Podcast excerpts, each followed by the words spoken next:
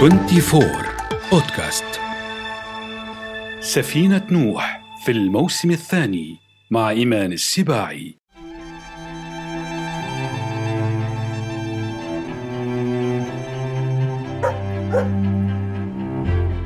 عاصفة شمسية حرب نووية وباء لا يمكن السيطرة عليه. جسم معتم في الفضاء يصطدم بالأرض. أكثر من سيناريو لنهاية العالم لكن ما علاقة الكلب بكل هذا؟ مرحبا يا أصدقائي. هذا بودكاست سفينة نوح من 24 وأنا في رفقتكم إيمان السباعي.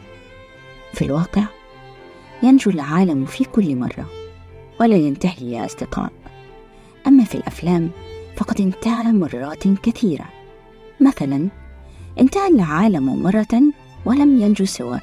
ويل سميث في فيلم I am Legend. أنا أسطورة. الذي تدور أحداثه الكابوسية بعد قضاء وباء فيروسي على البشر بالموت أو بالتحول إلى وحوش. ولم يبقى سوى طبيب وعالم فيروسات. قام بدور الممثل الأمريكي ويل سميث الناجي الوحيد. برفقة من؟ من شاهد الفيلم سيعرف. برفقة صديقي الكلب يصاحبه ويستمع إليه ويحاول حمايته من مهاجمة المسوخ الوحشية فيصاب بالفيروس ويموت فداء لصديق من منكم يا أصدقائي من محبي توم هانكس؟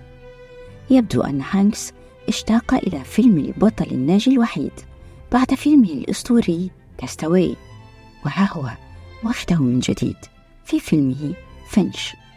ونهاية العالم حدثت هذه المرة بعد عاصفة شمسية دمرت طبقة الأوزون. الجديد في الفيلم يا أصدقائي أن هانكس ليس وحده تماما بل بصحبة كلبه. وبما أنه عالم روبوتات يحاول صناعة روبوت بشري ليساعد كلبه على الحياة بعد موته. كما رأيت لم يبقى مع الإنسان غير الكلب.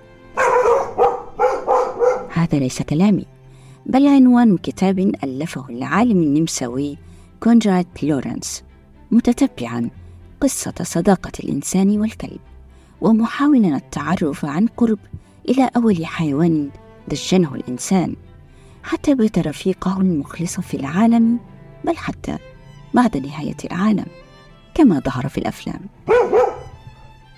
الإنسان أم الكلب؟ من أراد رفقة الآخر؟ لنعرف يجب أن نعود إلى بداية استئناس بعض أنواع الذئاب وابن آوى الشبيهة فعلا بالكلب البدائي والذئب معا. لكن كيف حدث هذا؟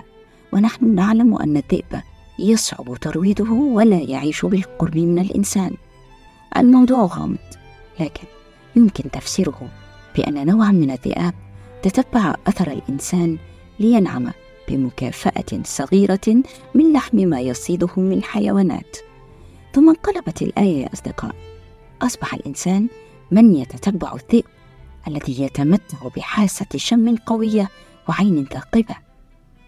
يطارد الذئب الفريسة ثم يكون للإنسان الضربة القاضية. الصيد إذن بداية الحكاية. تمتلئ معدة الإنسان بالطعام فينام نومة هنيئة.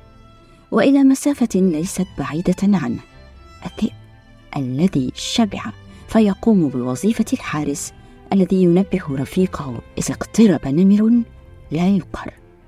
طيب إلى الآن حكاية منطقية لكن كيف تطور حب المصلحة هذا؟ إلى حكاية حب حقيقية وتضحية بالنفس وولاء حتى الموت.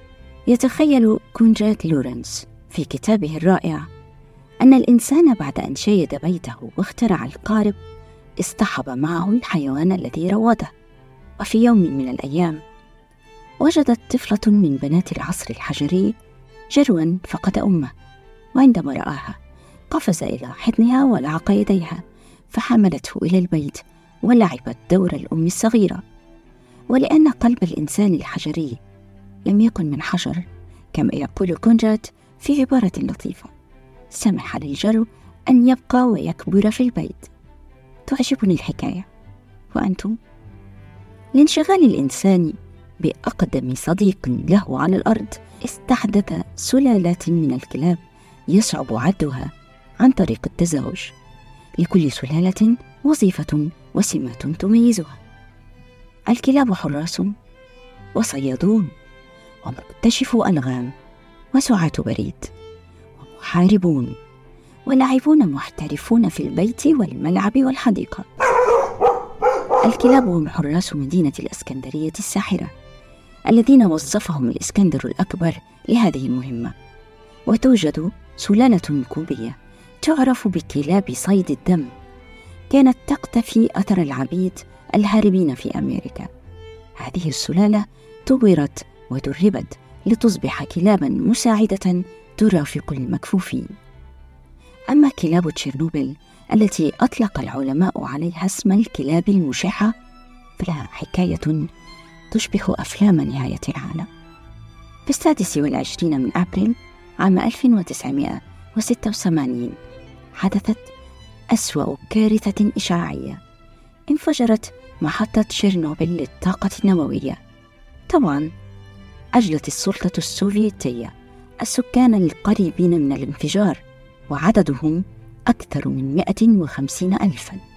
واضطر السكان للتخلي عن كل شيء حتى حيواناتهم الأليفة.